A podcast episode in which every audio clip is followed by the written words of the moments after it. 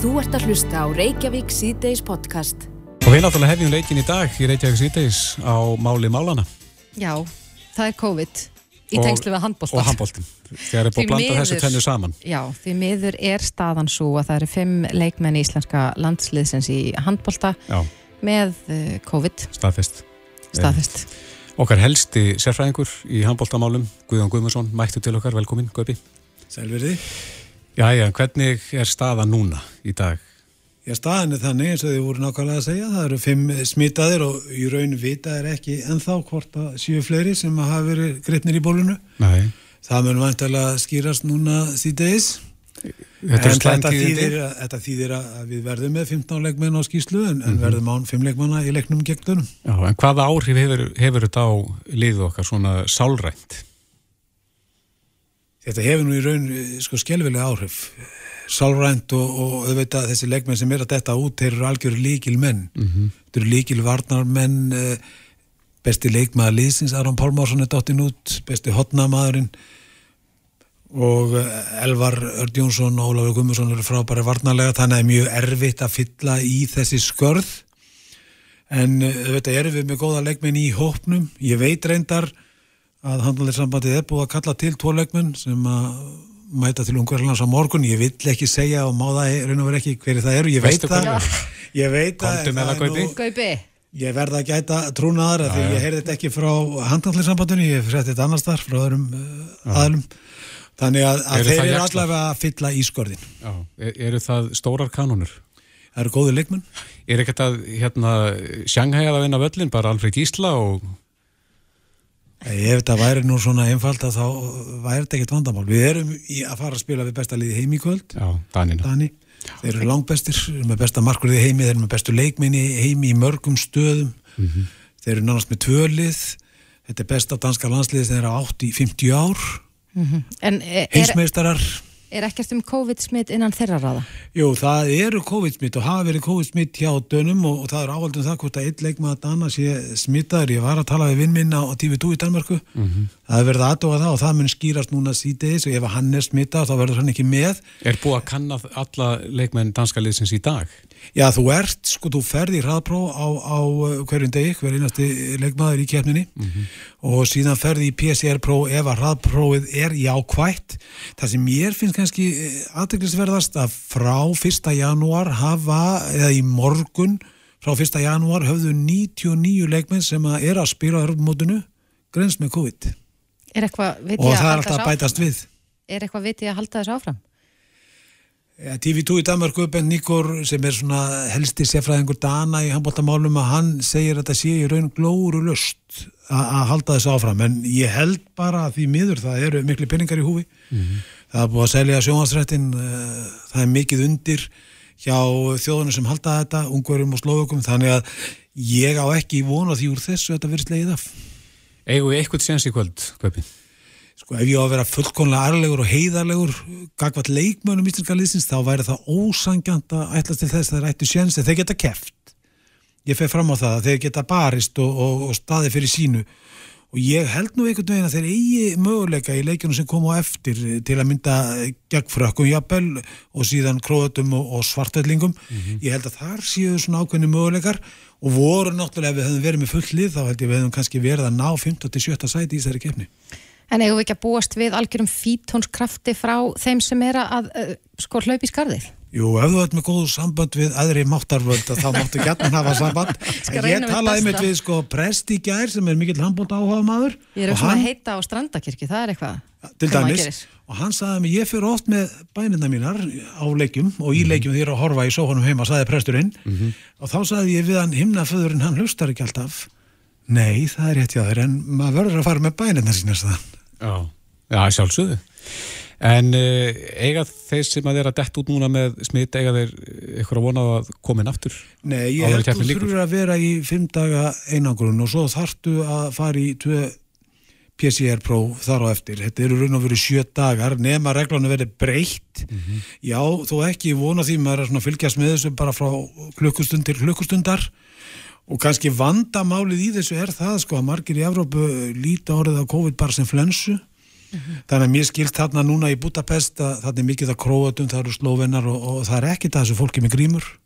Þetta er algjörlega grímurlöst en skandinavar og kannski þjóðverður og svona þeir eru að passa sig og spritta sig og til að myndi í höllinni fyrir blada menn þeir þurfa að gangi getnum uh, sjö hurðir til að komast inn í mixum til að komast í viðtölu svo framvegist þannig að þetta er í raun algjörlega galið ástand. En er það ekki akkurat það sem að, að var bent á hérna upp af mótsins að eins og okkar lið sem var búið að vera í gott sem einangrun í Frá öðrum janúar. Já, og svo komaður út og þá voru sóttvarnir bara hreinlega ekki í lægi á mótinu Já sko ég segi nú ekki að það sé ekki í lægi held að sótvarnin sé í lægi þær eru bara minnið þar voru til að mynda á hinsmyndaramótin í Egyptaland á síðasta ári. Þar voru einhver áhorfendur en þeir getur nú rétt ímyndað ykkur á Ísland, Ungverland voru 20.000 áhorfendur sko í höllinni.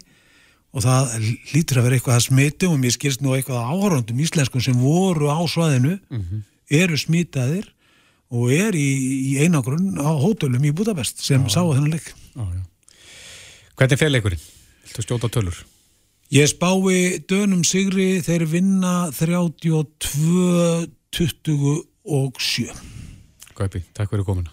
ekkert mál Þú ert að hlusta á Reykjavík C-Days podcast.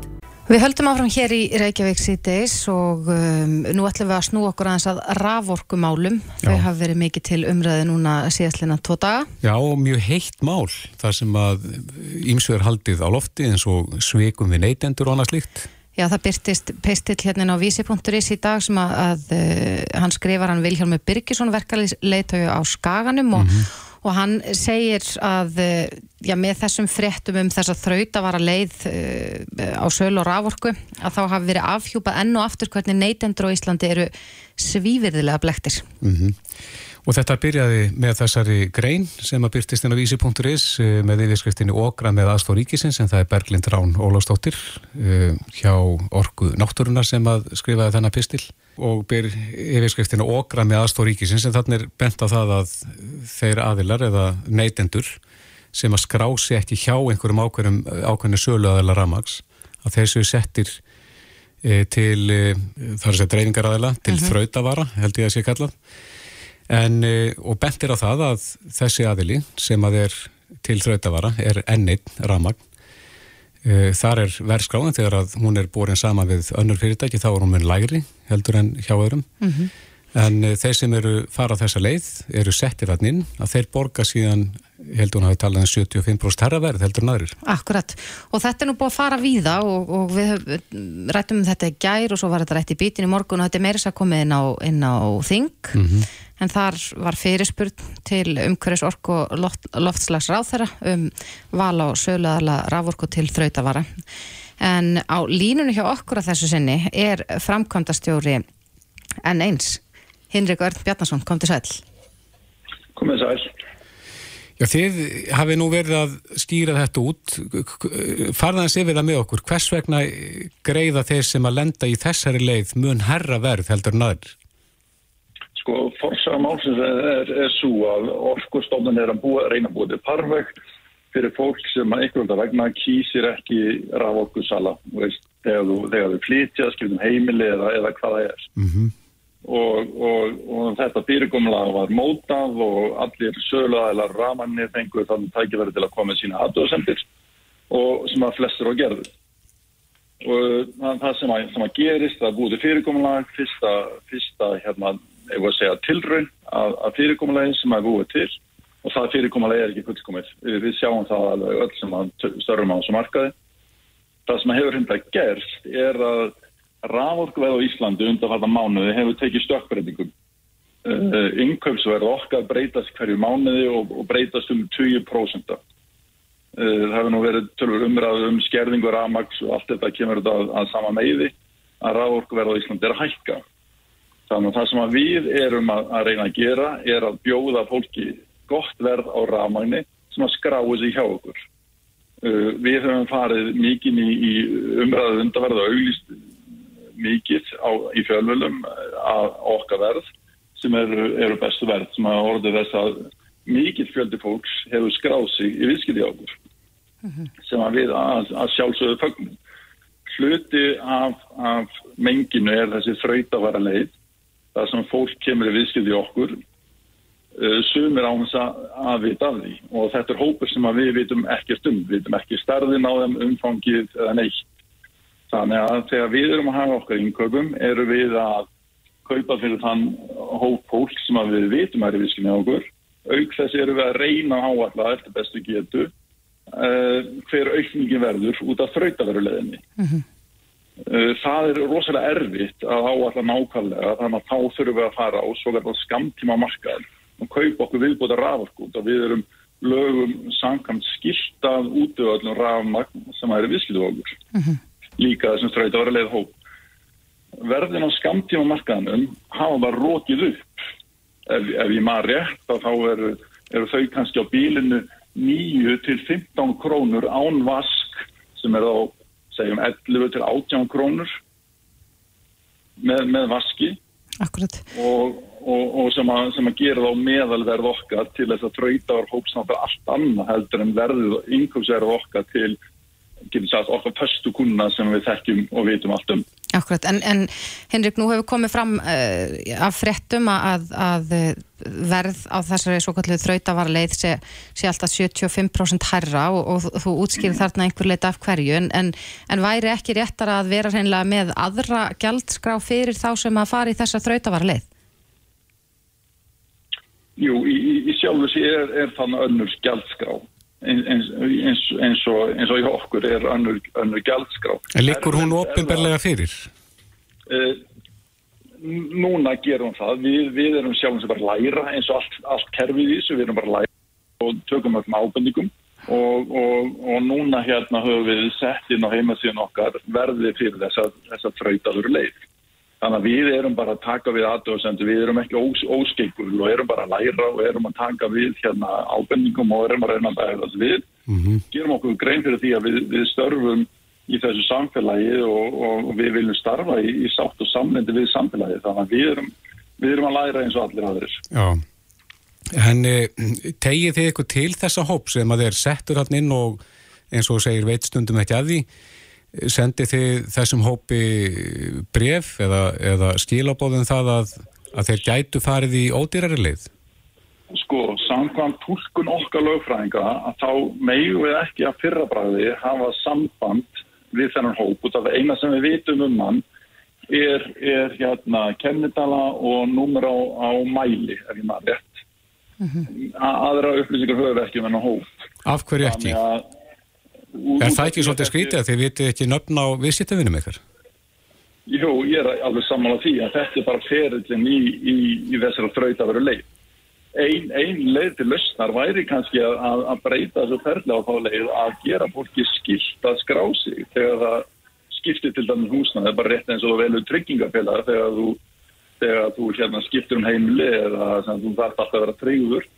Uh, í nútíma tæknir tegur þetta 30 sekundur þú bara rafrand skráði og, og þetta, er, þetta er ekki mál þú bara kynnið verð, verðskráði sér aðeila okkar samkjöfnum, okkar bara til dæmis á eurubjörgu.is mm -hmm. það er mjög veld að sjá þetta, það er hægt að skipta þannig, þannig að formatið er alveg til til að gera þetta mjög einfalt Akkurat, en Henrik, hversu stór er þessi hópur? Hversu margir hafa verið skráðir í þessar þrautavara leið hjá ykkur bara síðastlega ár til dæmis? Ég, ég hef nú ekki tölun í, í, í huganum en, en ég heldar menginu á öllum kaupendum á ramvork á Íslandi er þetta náttúrulega ekki stór hópur skilur af, af, af heldinni öllum mælum landsins er þetta náttúrulega ekki stór hópur Nei. sem við erum að tala um hérna eh, Hefur, viltu ekki stjóta á hversu stóran er eða?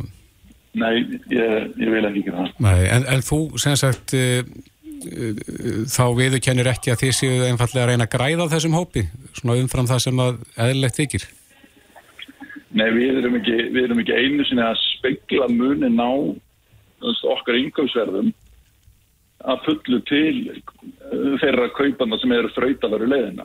Við erum eins og að bendum öllum á sem að ringja í, í þjónusverðar og fá þar frábæra þjónusi og starfsfólkjum okkar að skrásið sem fyrst út að við viljum hafa allar kunnum okkar sem, sem skráða viðskilfinni og þá veitum við umfangið þeirra og, og, og, hérna, og getum þá fullkomna betur innköpun okkar. Mm -hmm. Við viljum vita allt um okkar viðskiptinni. En þetta mál hefur valdið úlvúð, maður heyri það og, og uh, fórsvars með neytinda samtakana hafa tjáðs um þetta líka, en hefur verið eitthvað um það síðan að þetta mál kom upp að fólk hafi uh, ringt í ykkur og hætt viðskiptum við ykkur? Uh, það er alltaf reyning á viðskiptum en, en, en Eitthvað sem þið tengið við þetta mál? Uh, við höfum ekki fengið flerri skráningar í viðskipti okkur heldur en á síðustu dögum. Þannig að þetta verður kannski bara verið ágætt sögulísingum um ykkar verðskap. Það, það, það sem hefur gerst á Íslandi eftir að við og fleiri aðeins fórum að keppa við félög í eigu ríkis og borgar sem að hafa hingað til sett okkur aðmag er að hafa skapast umræðum rafmagn og fólk hefur átt að segja á því að þannig markaður rétt eins og með mjölk eða, eða eldsneiti eða hvaða er. Mhm. því fögnum við. Við, sem, við viljum ekki að verðleina okkar viðskiptiðinni með góðum verðum. Og við bendum fólki strax á að skrá sig og koma sér hópið þeirra sem njóta bestu kjaraðna við, við störrum á samkefnismarkaði og við bregðum við samkefni á, á, á markaði. Við keppum alltaf daga og við, við elskum, að, við elskum þessa keppni. En, en gaggrinni þarf að vera sangjörn og hún þarf að vera á, á rögum reist. Mm. Fulltrúi onn er búin að vera full, viss, full ljóst um það í langan tíma uh, hvernig, hvernig þessi þrautavaraleið er, er barinn og, og þau hafðu og gerðu aðtöðu samtir við við hérna þess að þrautaður leiðir eitthvað eins og aðeins en, en, en, en hún er samt búin að vera gildi í tölvunum tíma. Akkurat, en Hinrik mætti ekki breyta þessu fyrirkomulagi til, sko, til eins betra þannig að neytendur verði ekki, lendi ekki í því að greiða allt of hátt verð fyrir rávorku sem það getur fengið á, á munhagstæðar verði? Jú, klálega, við myndum, fagnum því og svo umræðið er bara í gangi hjá orkustofnum Og, og hún er núna í, í ákveðin ferli og allir þessir söglaðal og ramanni hafa núna tíma til 27. janúar ef ég maður rétt til að gera aðdóðsamtir og, og eflust verður þessu, þessu breytt í, í ljósið þegar breyttu stöðu. Breytta staðan er að ramagsverð á Íslandi er ekki eins flatt og áður. Uh, eh, samkjöndin er meiri, þannig að legstuverðin eru lærri og, og hérna kannski en áður fyrir var var kannski bara meiri, meiri framleið í þessu þannig að sölu aðeins á rávorku höfðu meiri bíl til að, að, að hérna, taka móti óvæntum háum hækkum ég mm -hmm. veit það ekki Einmitt. Hver, veistu hver ástæðin fyrir því er að þið voru eða þitt fyrirtæki var valið sem svona þraut að vara leið fyrir þennan hóp? Já, það út af því að, að á, á tímabilinu, þessu sex manna tímabili sem var til skoðan, voru við með lagstu lagstu verðin. Fyrir, fyrir viðskiptavinni þá? Já. Já, Henrik Örn Bjarnason, frangatastjóri N1, takk kærlega fyrir þetta. Takk sem þess. Þetta er Reykjavík C-Days podcast. Reykjavík síðdeis, menn eru ennað karpum það hvaða leiðir á að fara þegar það kemur á þessum blessaða faraldri. Mm -hmm. Og það er nú ein umræða sem hefur átt sér stað um dágóða hríð það sko hvort að það eigi að umbuna þeim sem eru bólusettir eða refsa þeim sem eru óbólusettir. Já. takmarka mögulega sko aðgengi þeirra sem eru óbólusettir að viðburðum og, og annað mhm. slíkt. Já það er nú byrja nú þegar, nú er til dæmis búið að eh, losa þessum með það ekki sótt kví og, og þau málvarandi bólusetta? Já þeir sem eru já, full bólusettir er búin að fá þrjá skamta eða tvo skamta á COVID. Já þeir þurfu ekki að vera fastir í sótt kví Nei En uh, það var áhugaverð frétt í fréttablaðin í morgun þar sem að uh, rætt var við bæði framkvæmtastjóra samtaka verslunar á þjónustu og framkvæmtastjóra samtaka ferðarþjónustunar en þeir virðast vera á einu máli um það að það ætti að koma á laginnar uh, bólusetningarskirtinni hér mhm. eins og gert hefur verið í að minnstu kosti einhverjum Evrópuríkjum. Já, þannig að vera alltaf liðka þá til fyrir fyrirtækjum sem eru bara lókuð í daginn ætlega. Akkurat. Andrés Magnússon, framkvæmtastjóri samtaka Vestlunar og þjónustu er á línunni. Sæl? Já, sæl verið þeir. Já, hvernig sjáu þið og hvernig sér þú fyrir útvæslun á þessu? Já, ég meina, við, við erum náttúrulega, sko, í grunninn erum við náttúrulega að kalla eftir bara heildar afnámi allar regluna og það er náttúrulega, eh, sko, uh, hérna, það, sem all, það sem við viljum sjá. Mm -hmm. En það er eins og þannig að, sko, eins og staðinni nú, þá er, er, er lítil vonum að það veri allavega í, í bráð. Mm -hmm. Það er eins og þannig að, sko, þegar, þegar við horfum til þess hvernig nákvæmlega ríkja okkar mörg hver hafa að, tekja á þessum málum og, og hérna uh, gerð gert kröfum kröf það að, að til þess að mega uh, hérna nota ákvæmlega þjónustu, menningar uh, byrðfærin og veitingós uh, og svo framvegs og svona veist þurfu fólk að, að, að hérna fái fólk ekki aðgang nema að sína það sé með passa, það mm -hmm. sé fullt bólusett og bara til þess að litka fyrir samfélaginu, minka þær álögur sem er á samfélaginu meðan að það er ekki vilji til þess að lifta að hérna, takmarka, að, takmarka þess hérna, sótvarnar ástafinu sem eru við líði, að þá uh, hérna teljum við að þetta væri bara úrraði sem ætti að huga mjög vel að. En myndi að stifta ykkur í máli það er svo margir bólusettir hér?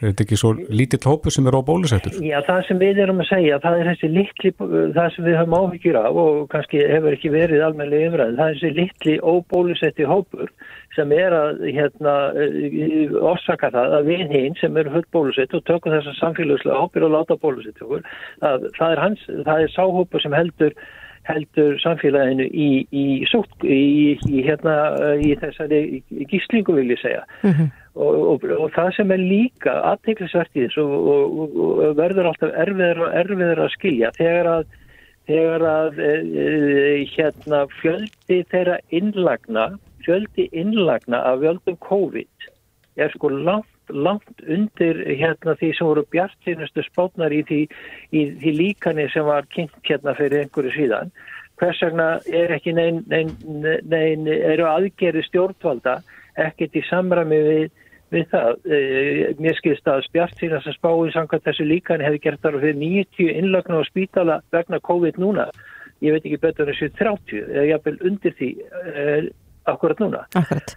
En það var nú mikið rætt um það hérna, Andris, já, fyrir árið síðan, jáfnvel tveimur, þetta er allt farað að renna saman í eitt, að, að sko bæði þinn geiri og, og ferðageirin og fleiri sem að verða fyrir miklu höggi af þessum takmörkunum sem við lifum við, að kalla eftir sko fyrirsjánleika í aðgerðum.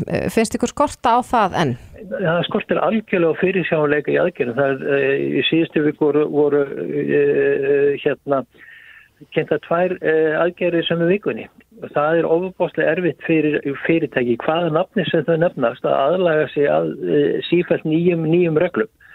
Það er þetta sem að knúða okkur Jóhannes til að stíga fram e, í frettablaðinu morgun að reyna að varpa ljósi á þetta meðan að stjórnvöldir, úr því að stjórnvöldir er ekki tilbúin til að stíga, stíga alveg skref til afléttingar.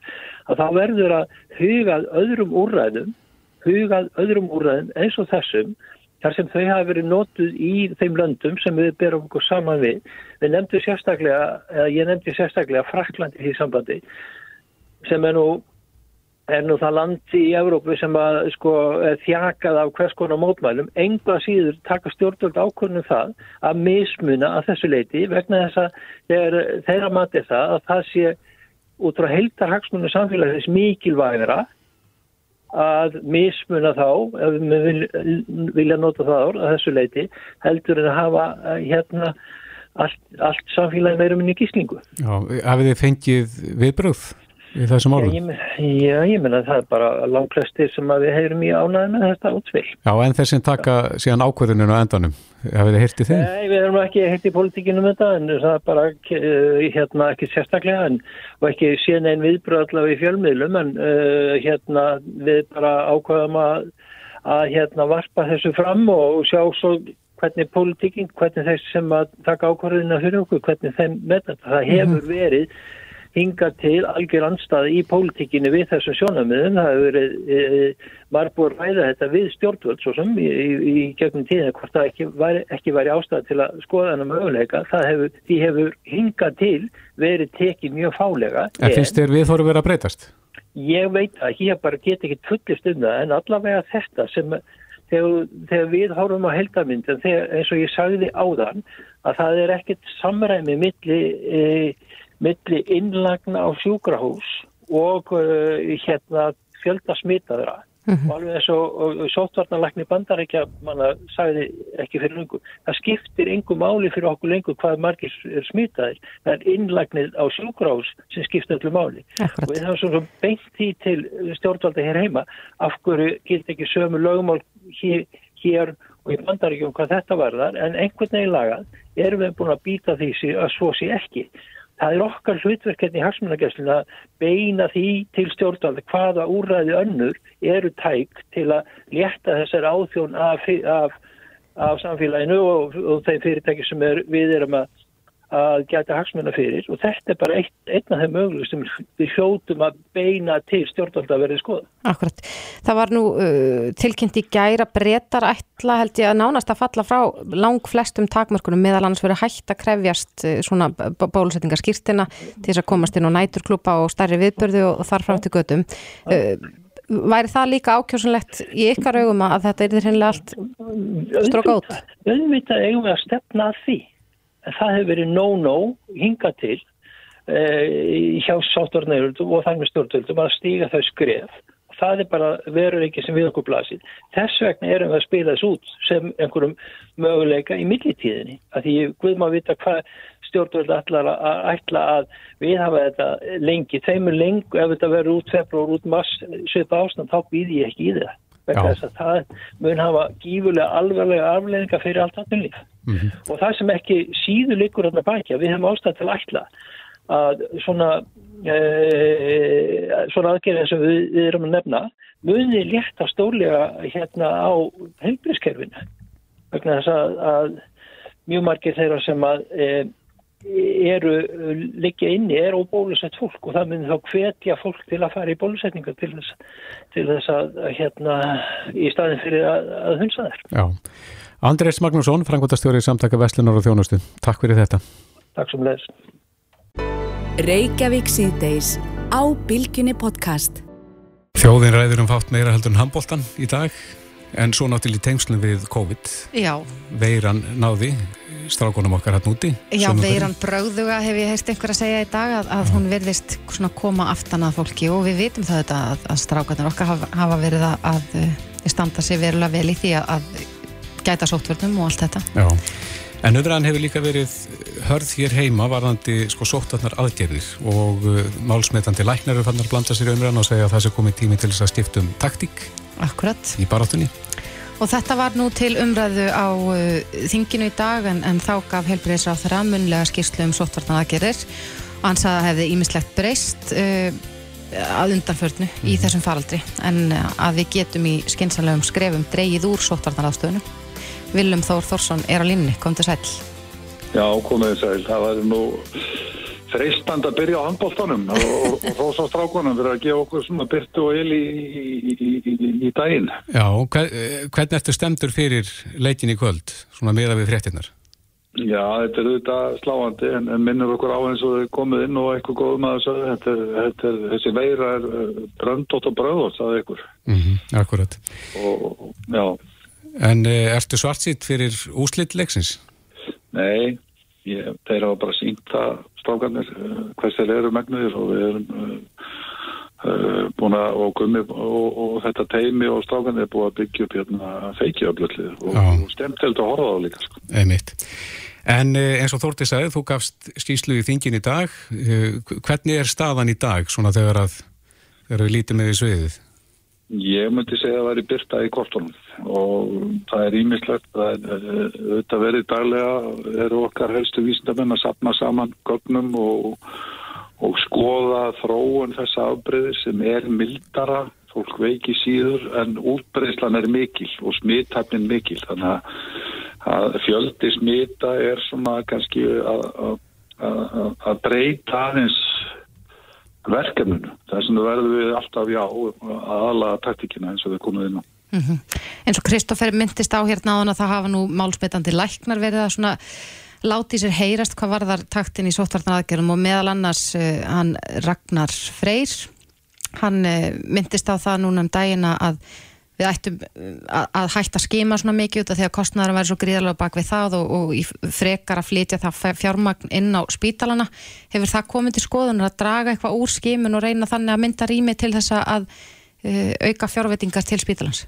Já, þetta er auðvitað allar, allar aðgerði sem snúa sóttvörnum og, og eru til skoðanar og við uh, bara daglega uh, erum við í, í sambandi um það og í, í ráðum með sótanalækni sem síðan kemur með tilur og, og til okkar um að breyta reglum og, og bara síðast í gæð voru við einmitt að, að, að létta á skimun, ekki síst á, einmitt á grundverli þess að það hefur verið svona þungt sérstaklega kakvart börnum og, og það, það bara reynist vera þannig að það er ekki nema eitt bróst af þeim sem hafa sætt sótkví og þurfa að útskjóðast í það með PCR-brói sko að sem að hafa raunverulega smittast þannig að það er óhægt að leta á því. Mér finnst síðan varðandi fjármögnuna uh, á sótataráðstöðun á, á einum stað sem hefur virkað vel í að, að tempra smitt hún útilokar það ekki að við vinnum með, með, með spítalan og við, við höfum ekki haldið á okkur höndum í, í, í neinu að móti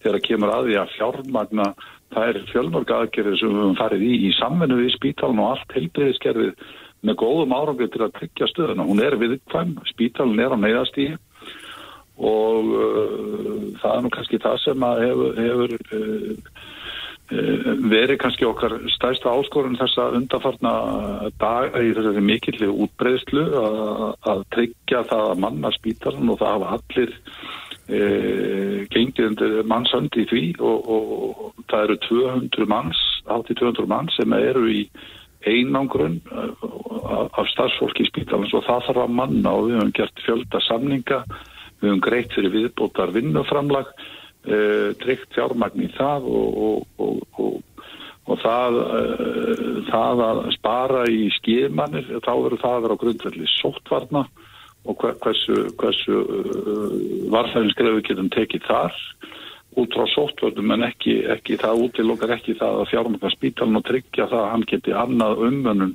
sjúklingar sem hefur, hefur tekist vel hinga til. En e, maður heyri líka þá spurningu á lofti hvernig stendur á því að e, svo langt sem margi muna þá hefur alltaf muna mjög litlu að, að spítalinn detti á þetta neyðastig. Það þarf mjög lítið út af að bregða. Er ekki hægt að koma málum þannig fyrir að, að spítalinn sé ekki endalust á brúninni? Jú, það, það er óskastaðan og ég held að það, sko, þessi faraldur hefur kent okkur kannski tvent. Um leið og hann hefur afhjúpað þessa veikleika að, með mönnun í heilbriði sjónustu og ekki síst á spítalunum sem er, er, svo stórað umfangi í okkar heilbriðis þjónustu. Eh, þá hefur hann á sama tíma sínt eh, styrkleikana í kerfinu og eins og núna er þegar við semjum við fjölmarka aðeila til að koma inn á, á, á gólfi til að fylla mönnum með gatið að þá þurfum við að skilgrina vel hlutverk spítalans þannig að hann geti sínt þessu mentunar og vísinda hlutverki sínu þessum flokknu aðgerðum uh, þessari sérfræði tekkingu uh, helbriðistarfsfólk sem að grafa nér inn á spítalan og nýtt meira betur með samspili við alla, alla þekkinguna sem eigum til staðar í kerfinu. Ég held að það, það sé það sem við verðum að horfa til í, í framhaldinu og þetta verður mikil áskorun auðvitað fram megin. Já, en það vil líka komið fram svo hugmynd að uh, bæta þessu framlýnustafsfólki sem að hefur verið á haus uh, inn á spítalanum, það upp einhvern veginn með einhver umbun. Hefur verið með það inn á þínu borði? Já, við höfum, um, um, þegar uh, með spítalanum, þetta er auðvitað uh, kannski fló, flóknar í útfæslu og, og en á ekki að skipta máli, þú getur ímyndaðir álæg sem hefur verið á starfsfólkinu, nú er það þannig að, að umönnun COVID smittara sjúklingar sem að þurfa að sækja inn á spítalanum og leggjast inn, það er svona tvöfalt stöðugildi sem þarf í þá umönnun mm. og, og, og, og svo þarf að þannig að þetta hefur verið gríðalt ála í langan tíma þannig að við greiðum fyrir viðbótar vinnuframlag og það er einhvern veginn það er, er stórkostlegt að upplifa hugafarið og sér hlýfni helbriðist Er þetta fólk að fá meira borgað eða eitthvað skonar álag? já, það fær borga fyrir þetta viðbóta vinnuframlag. En Viljum, þú sagðir á, á í þinginu í dag að við getum í skynnsalum skrefum dreigjuð úr sóttvarnarraðstöðunum og, og það er nú alltaf áhugavert þegar að, að ríkistjórnafundir klárast og þið gangið niður tröppurnar og mót ykkur taka fullt af fréttamennum. Það er eiginlega alltaf fyrsta spurningin, sko var einhugur innan ríkistjórnarnar um þetta og svarið er oftast nær já en nú hefur Áslagarnar Sigurbjörnsdóttir já, kallað hreinlega eftir því að sóttvarnartakmarkanir verði endurskoðar í ljósi stöðu faraldursins og verið að benda á, á tölur um innlagnir og, og fleira slikt og að, að þú hafir nú þegar þessi gögn fyrir fram að þig og að, já, hún er verið, hún er að kalla eftir þessu. Er, er hlustað á það? Já, sjálfsögðu, við erum allan dag. Á hverjum einasta degi erum við að meta þessi gögn með okkar fremslu vísdamunum og það sem hefur hjálpað okkur mjög í kemur þennan faraldur er einmitt e, það og við höfum samanast um það að, að, að sko fara ráðum okkar besta fólks, sótartanleiknis og, og vísinda manna e, og ég vil draga hér fram að útsjónar sem í, kringum COVID-göngudelt hefur, hefur skipt sköpum í, í, í það að leta álega á spítalunum og sterk bólusetninga staða það, það er alveg, við erum alveg í sérstöðu þegar við berum okkur saman við aðra þjóður í því. Eh, varðandi þær tölur sem er að koma fram núna og byrtast okkur í, í stiktri meðal legutíma og stiktri innlagnar hlutföllum, enni eh, lægri innlagnar hlutföllum í ómikrón, þá eftir því sem ómikrón verður stærra í þessum mengi, lengi framanna var delta bæði fólk, vektist fólk meira af delta og, og, og, og það var, voru þetta 100-200 smitt, nú er ómikrón alltaf stærra og stærra í, í þessum mengi.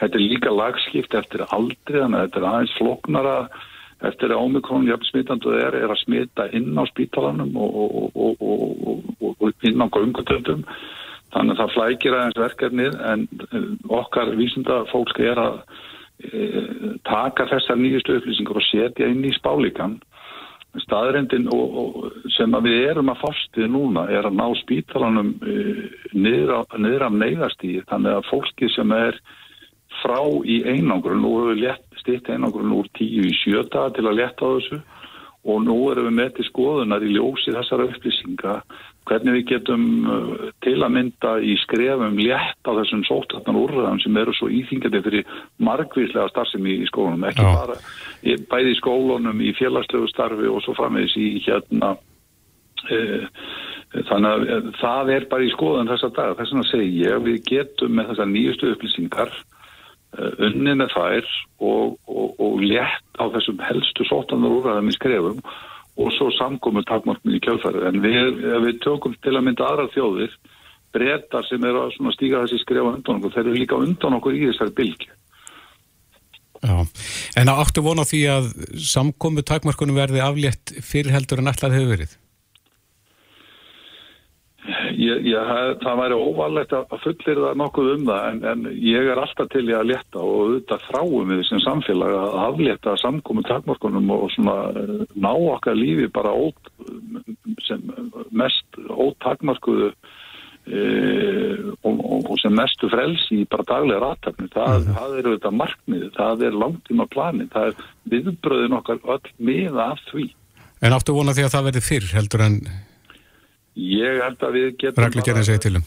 Í, hún er annar februar, það er nú ekki nema kannski, eh, já, tíu dagar um vika og, og, og ég ætla ekki fullir um það neitt hérna, en ég er bjart síðan á að við getum í skrefum eh, aflétt, já. Já, eh, við heyrðum hérna í frangvandastjóra samtaka Veslunar og Þjónustu hér fyrir þættinum, hann kallar eftir því á samt frangvandastjóra samtaka ferðjónustunar að bólusetningapassar verði teknir upp og nýttir í auknu mæli hér uh, hefur þið séð þessa bón vera? Já, ég, nei, ekki, ég ekki, var ekki búin að heyra þessu nei. við erum auðvitað búin við algjörðu sérstöðu eins og ég kom að áðan uh, með mjög sterska bólusetningastöðu þannig að við höfum ekki uh, farið út í einhvers konar aðgrinningu á grundvelli bólusetningar Til er ekki þörf á því með að við bólusetningastöðuna? við, ég get tekið eitt dæmi sem hefur, var á grundvelli sótvarna, þar sem að því bólusetnir uh, var lett og sótki fyrir því bólusetta, það var ákvæmt frá aðlunlífinu, kannski ekkit ósambarlegt við þetta, mm -hmm. uh, en það var á grundvelli sótvarna. En sér það ekki fyrir þeirra ganga lengra í þessum efnum? Ég, ekki ef, ef, ef það er ekki þarf á því það, þá erum við ekki að skapa eitthvað óþarf aðgreiningu en, en þetta þarf bara að meta með okkar vísindafólki hvað hva, hva er hægt til bráðs að taka. Við erum bara að horfa á þannig breytingar á stöðunu í, í ljósi þessar nýjastu gagna til viðbútar verður síðan mjög frólægt að sjá niðurstöður úr, úr, úr þeirri rannsók sem að sótarnarleiknir og, og, og, og íslenska erðagreining er að vinna með sótarnarleikvöldum mm -hmm. Um það hversu útbreytt smitin er og þá getur við á grundfelli bæði þessara tölfræði upplýsingar sem er að, er að byrtast okkur þess að dagan og er verið að meta inn í spálíkun og þessara rannsóknar tekið svona upplýstar ákvarðinu um áleik. Akkurat. Já, við allavega vonum að það sé bjart í kortunum eins og þú saðir hérna áðan. Viljum Þór Þórsson, helbriðisráðara. Takk kærlega fyrir spjalli. Takk, miklu frekar. Það eru náttúrulega stórtíðindi frá Ungverjalandi, uh, fimm leikmenn í okkar liði, svona síðastir við þessum, mm -hmm. smitaðir og spurning hvort að það verði fleiri áður nefnir líkur. Já og þetta er bara svo sárt Já. það er svo sárt að sjá þetta gerast eftir þessa þrjá mögnuðu leiki að, með fullt hússtiga og, og eitthvað í loftinu eins og Óli Stef saði hérna, fyrir fyrsta leikin Já. en uh, mér finnst áhugavert líka ég las hérna, smá viðtal við hann Björgun, Björgun Pál Gustafsson mm -hmm. hann er einn af þeim sem greintist með COVID og missir af næstu leikum en hann hefur nú ekki miklu ágjör af strákunum á vellinum í kvöld Nei. en hann er bara upp á Herbyggi hjá sér að, að já, gera æfingar með tennisbolta til þess að halda sér góðum. Hann, hann ætlar ekki að slá slöku við í einogrunni Nei, akkurat. En e, maður fyrir líka velta fyrir sér sko handboltin þegar við erum oft og höfum oft í gegnum þennan fara til að tala um sameigilega snertifleiti mm -hmm. ef að það er einhver sameigilegu snertiflötur í handbolta þá er það náttúrulega boltin sem að gengur á milli allra manna á vellinum. Já, ég held að það sé nokkuð sko auðvelt að finna sökudólginin á vellinum þar. Já. E, Víður Einarsson, yfirlörglu þjótt er á línunni, sæl Komið sæl. Er þetta ekki bara eh, nánast örugt sökudólgurinn? Jú, ég veit að það sé bara mjög, mjög hérna, einfalt að sjá það. Þegar þetta fer annað bara á stað þá fer þetta mjög hrætt í þessar aðstöður. Það er alltaf bara eins og, eins og allir, allir gerir líka einn fyrir og allir vissu og þess að það voru okkar strákar einangröðið sér frá allir þegar voru hérna heima og fara út og komast ekki ennum þrjáleikja á hans að komi, komi smitt en alltaf bara sýnir bara hvað þeir voru að passa sig vel og, og, og hérna, vanda síður og bara verður þetta svo erfiðar og erfiðar að þetta er og sjá bara hinn liðin mörg hver hafa eins og, eins og liðið hjá Alfred þjóðverðinni hvað margir hafa farið á þeim.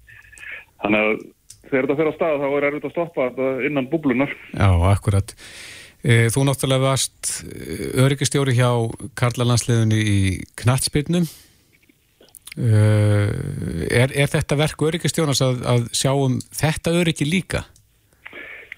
Það er svona erfitt að segja hver á, hver á að sjá þetta. Þetta er náttúrulega bara ákveðin ómöguleiki í því að, að, að hérna, einhvern veginn að vera með lið sem þarf að æfa saman og vera að spila saman íþrótt eins og handbólta sem hann gengur út á mikla snertingar að það er eina að halda mannum alveg, alveg snittfrín. Það er þessi volnust verkefni fyrir að vera nefn svona mikið á ferðin eins og hann er núna. En, en hérna, þeim tókst, það sem ég fannst svo flott hjá þeim var að, að þeim tókst að koma til gegnum tímabilið á Íslandi sem var gríðarlega mörg smitt mm -hmm. eru úti og eru að æfa, spila þrjá leiki.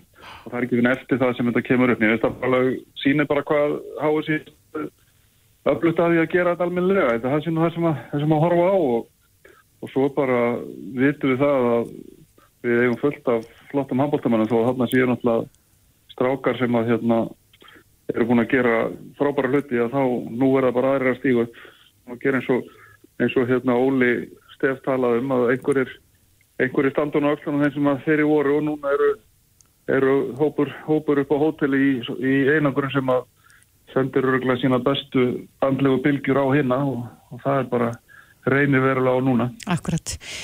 Já, eh, við höfum nú sagt frá því hér að við nældum okkur bæði í COVID hérna um áramótinni og Kristófer og uh, þá svona fer maður mikið að hugsa um, um uh, það sem gerist á eftir og, og auðvitað veit maður það að hér allavega þá fer maður ekki í PCR-próf til þess að útskrifast úr einangrum vegna þess að það er reynilega bara mikla líkur að það mælist enn eitthvað í manni. En þarna út er, er staðan þannig að, að leikmennin þurfa að fá tvö neikvæð PCR-próf til þess að losna úr einangrun. E, þú ertu kannski ekki ekki Þórólfur, en þú hefur þó verið að hrærast í þessu. Eigum að vera vongóð um að, þeir losni áðurna að eh, mótinu líkur Þetta er bara mjög snúið, þetta er svo rosalega misjans sko, við erum alltaf búin að fylgja svo vel með þessu sérstaklega í, í gegnum landamærin hjá okkur þar sem við, að við vitum að er ferum fullt af fólki sem er búið á COVID og, frá, og það hefur liðið alls konar tími og við erum búin að heyra sögur af fólki sem er að koma mörgum vikum eftir að hafa með smitt og það kemur inn í ákvæmt og síðan líka fólk sem er bara nýbúið að vera með og það, það kemur neikvæmt þannig að þetta er, það er eiginlega ekkert örugt í þessu og við erum bara að krossa fingur sko. Akkurat. Já, við gerum það svo sannlega. Fylgist þú jafn mikið með handbólta og fókbólta við? Já, já, já, ég er bara ekki minna, ég er hérna æði handbólta miklu lengur heldur en ég æði fókbólta og hefur verið í stjórn í handkvæmdistelt og svona formaðurinn hjá hafkommerins í handkvæmdisteltinu tímabili þannig að ég er mikill handbóltanar. Já, hvernig líst þér á það sem framöndan er? Ég líst bara vel á það og, og ég held að hérna, ég held að strákarnir er eftir að koma kannski mörgum óvart í, í kvöld bara með með því því að við erum oft bestir þegar við erum með bakið þessu vekkin og núna erum við þar og nú þurfum við bara á öllum jákvæða bylgjum að halda og, og ég held að strákvæðin munu koma mörgum óvart í kvöld. Það er mín tilfinning, þetta verður erfiðu leikur en, en hérna, ég held að, held að hérna, að þeir munu, munu gleiði okkur eins og svo oft áður með mikið til barátt og sína sína hvernig, hvernig mann takast á erfiðleika. Það er bara okkar aðalsmerki. Akkurat. En við vitum þetta að það kemur maður í mannstað og allt það og já, er ekki nú bara frekar líklegt að þeir strákar sem að, að er að fylla í já, já, þess, þetta stóra skarð sem myndast þannig í liðinu að þeir muni bara leggja allt sem þeir geta ásett til þess að vinna hana leik? Það er ekki nokkuð spurning alltaf þeir sem eru valdið til þess að spila fyrir Ísland, þeir leggja allt sem þeir eiga uh, á völlin þegar þeir fara að spila. Það sem að stundum gerist er að, er að hérna jafnvel menn uh, hvað segir maður, verða betri heldur en þeir halda sjálfur og, og, mm -hmm. og, hérna, og það er heldur það sem við mættum að sjá í kvöld. Glæsilegt. Við segjum bara áfram Ísland, Víðir Reynsson yfir lauruglu þjótt, almannavarna deildar. Takk kærlega fyrir þetta. Og áfram Ísland. Áfram Ísland. Þetta er Reykjavík C-Days podcast. Ja, það má segja í svona sögulegu tilliti að þá eru bálfarir svona frekar nýlegt fyrirbæri. Já. Um, en nú er það þannig, samkvæmt sko þeim fréttum sem ég hef lesið að yfir 50% velja bálfur mm -hmm. uh, fram yfir jarðsetningu. Já, ég, svona þegar maður bara horfir í kringum sig, þá finnst maður þetta að vera mjög algengara, mm -hmm. að fólk láti brenna sig frekar að, að jarðsetja. Akkurat. Og svo eru líka, það eru oft umræðir á þingi um uh, sko, að maður megi velja til dæmis hvað maður lætur gera við jarðneskar leifa sínars. Mm -hmm. Þannig að það er svona mikið verið að, að, að reyna einhvern veginn að berjast fyrir því að maður hafi meiri eh, rétt á eigin líkamsleifum. Já. Akkurat. Og uh, við höfum auðvitað heyrt um um uh, Tría lífsinn sem er nú svona stort frumkvölaverkefni sem er, er í raun og veru ekki þá á háð neinum neinni kirkju eða neina svona trúfélagi. En við rákumst hérna á Twitter á umræðu um akkurat þetta mm -hmm. og þar uh, stendur vissir þú að þú getur ekki dáið á Íslandi án þess að fara í gegnum eitt trúfélag eða þjóðkirkjuna líka ef þú velur bálfur já, já. og uh, það, það er nýveri búið að hérna, koma aftur á fót því sem heitir Bálfarafélag Íslands mm -hmm. og þetta er nú frekar merkelt félag bara átið því ég fór náðans að lesa mig til um það að það var nú uh, Sveit Björnsson fyrsti fórseti í Íslenska liðveldisin sem að stopnaði þetta félag á sín tíma. Já, já, hvað var tilgang hafið það þá? Þá var þetta sko um, þetta voru nokkri sem að tóku sér saman og, og þá var þetta í raun og veru út að þetta var farið að týðkast erlendis að uh, bálfari voru algengari. Mm -hmm. þekki nú ekki algjörlega söguna. En á línunni hjá okkur er Halla Kolbensdóttir sem er stjórnar meðlumur í Bálfarafélagi Íslands og einnig svo sem að var að vekja aðteklið á þessu hérna á Twitter. Komdu sæl Halla Já, sælblessur Já, þú segir þarna að, að það er ekki hægt að, að deyja án þess að fara í gegnum þjóðkirkuna Já. Hvers vegna er það? Um, já, það var fyrir einhverjum tíu árum sem ég komst að þessu sjálf í samtali á internetinu. Það er margt sem að dukkur upp í þessum spjöllum á internetinu en hérna þá uh, komst ég þess að að því að þótt að þú veljir það að uh, láta brenna þig fyrir þeirð, þá er bara einn bálstofa á Íslandi og hún er rekin af kirkjunni í fósfóinum og það er eina leiðin eh, þú veist, ef þú, ef þú ert utan trúfélags eða ert ekki í þjóðkirkjunni og ert með einhver aðra skoðanir heldur en, eða þú veist, eða einhver aðra trú heldur en þjóðkirkjunni, þá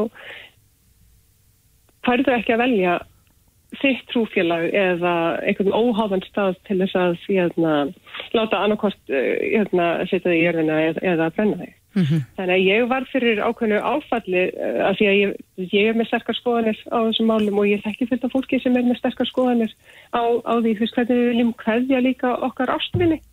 Já, en nú er þetta færast yfir aukst eins og Þó- Þórdís sagði að rúmur helmingur lætur brenna sig eftir sinn dag Mm eh, og er, er þetta ekki gamall brennslopn sem að er í hjá kirkjugörðanum? Er ekki komið tími til þess að fara svona þess að útvika þetta?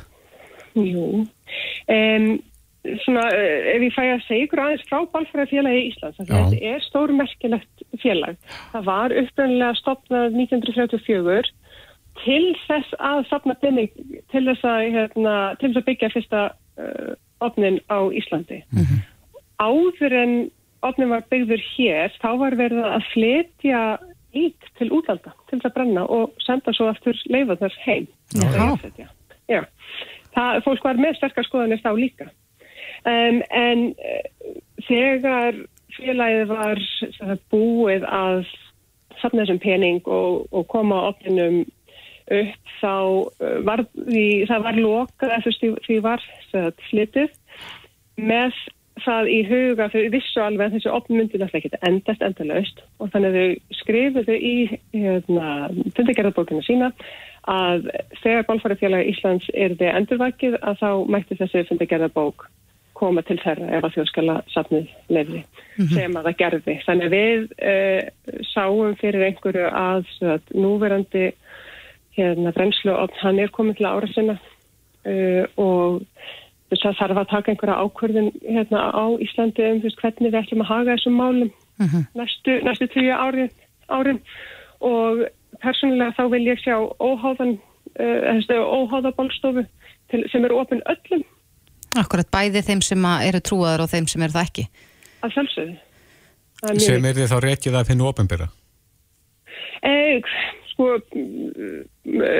núverið Bálfærafélagi Íslands er með það markmiði að styðja við uh, trélífsins sem er óháð, sem, að- sem, já, sem er frumkvöla verkefni sem að vil eh, byggja þess að óháðan, hérna, óháða bálstofu og minningakarða. Það sem þú getur þá sett öskuna þína í jörðina og látið tré vaksa upp úr því.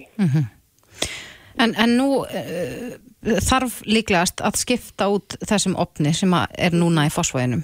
Er, og, og þú talar hérna um inn, í, inn, á, inn á Twitter um að það sé svona hálfgett kapplaup í gangi hvor mm nær að gefa, sérst, ég er að búa til nýjan opn hvort, hvort sem það verður sko trija lífsins eða þá kirkjugarðar Reykjavíkuprófassa dæma en uh, þið viljið í bálfarafélaginu að hafa eitthvað um þetta að segja en, en það að reynast ykkur erfitt.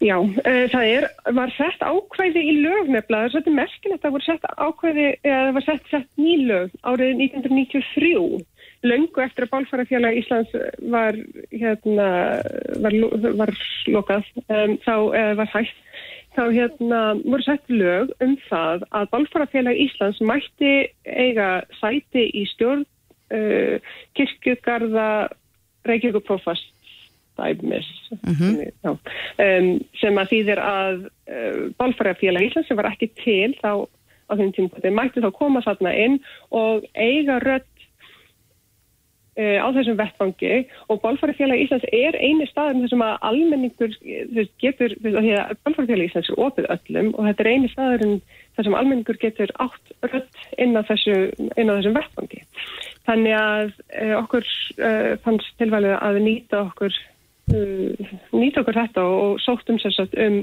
aðgang að uh, þessu sæti hérna í fyrra og við fengum neitun uh, á þeim grundvelli að þetta væri ekki sama félag og áður Já, já.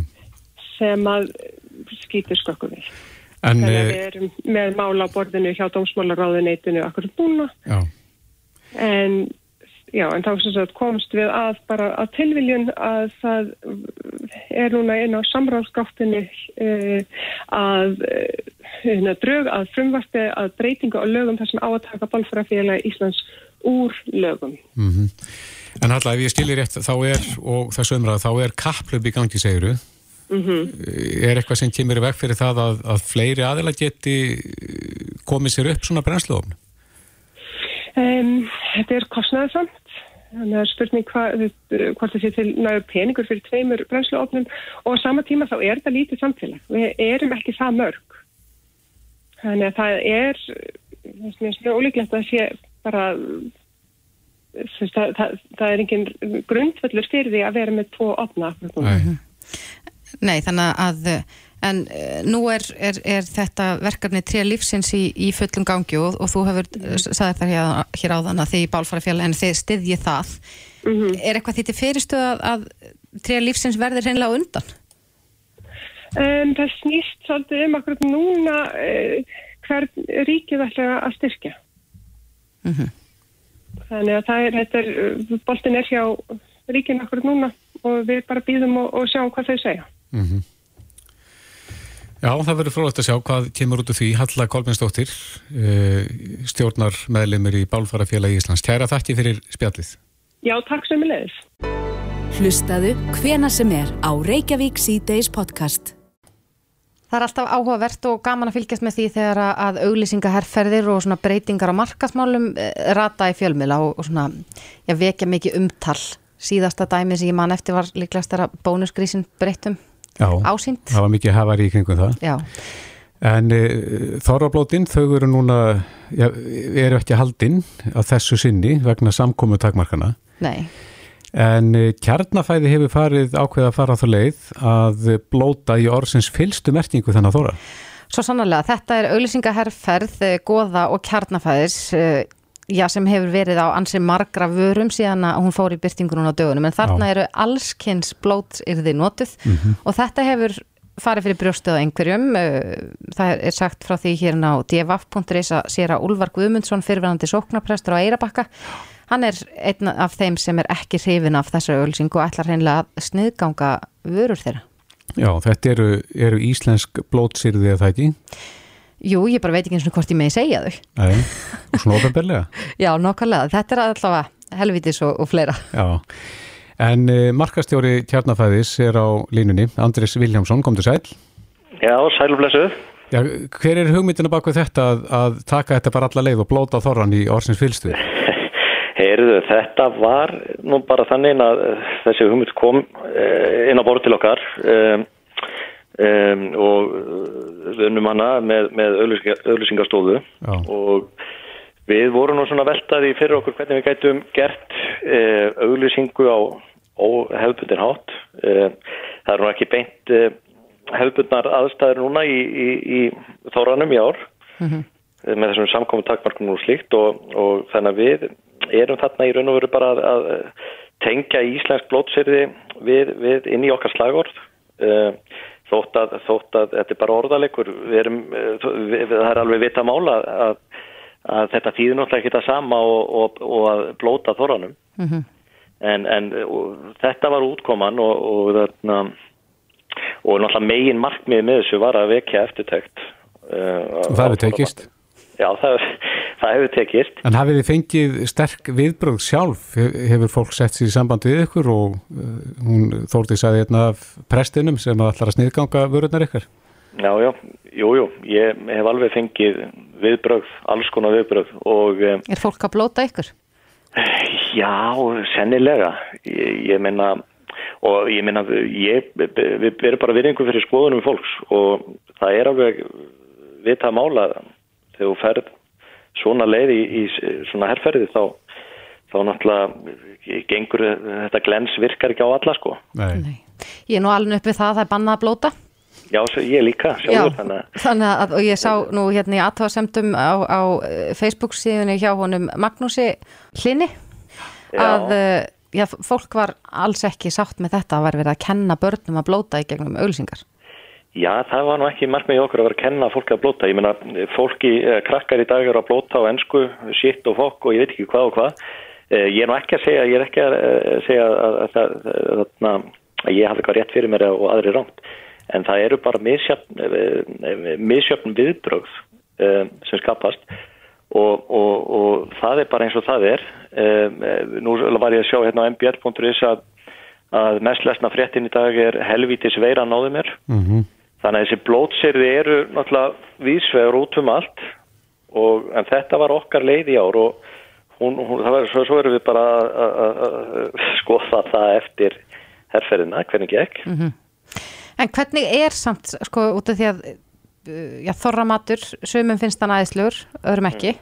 Er mikil sala á þorramat svona, já, bara inn á heimilin núna þegar það eru ekki þorrablót Já, já, það er náttúrulega fer meira þá gegnum smásölu núna en hefur verið. Um, og einnig náttúrulega eins og ég segi við, við missum út þessi stóru þorrablót hjá íþrótafjölum og í, í sveitónum og, og slíkt. En það er kannski sko við er sem sagt bara jafnast út en, en, en það verður náttúrulega þetta verður bara allt annað minnstur í þessu. Um, þannig að sko þetta er náttúrulega bara hluti af því að, að ég, eins og ég segi, þetta var bara tækifæri þarna um, á að, að vekja smá eftirtækt og, og, og, og þetta umræðu um, um, um þetta og, og þorramatinn. Já, og það hefur tekist. Það hefur tekist. Einmitt. Já, við bara óskum ykkur ánægju á þóranum Já. og gleði, Andrés Viljámsson, markastjóri hjá Kjarnafæði. Kæra þakki fyrir þetta. Sömulegis. Reykjavík síðdeis á bylginni.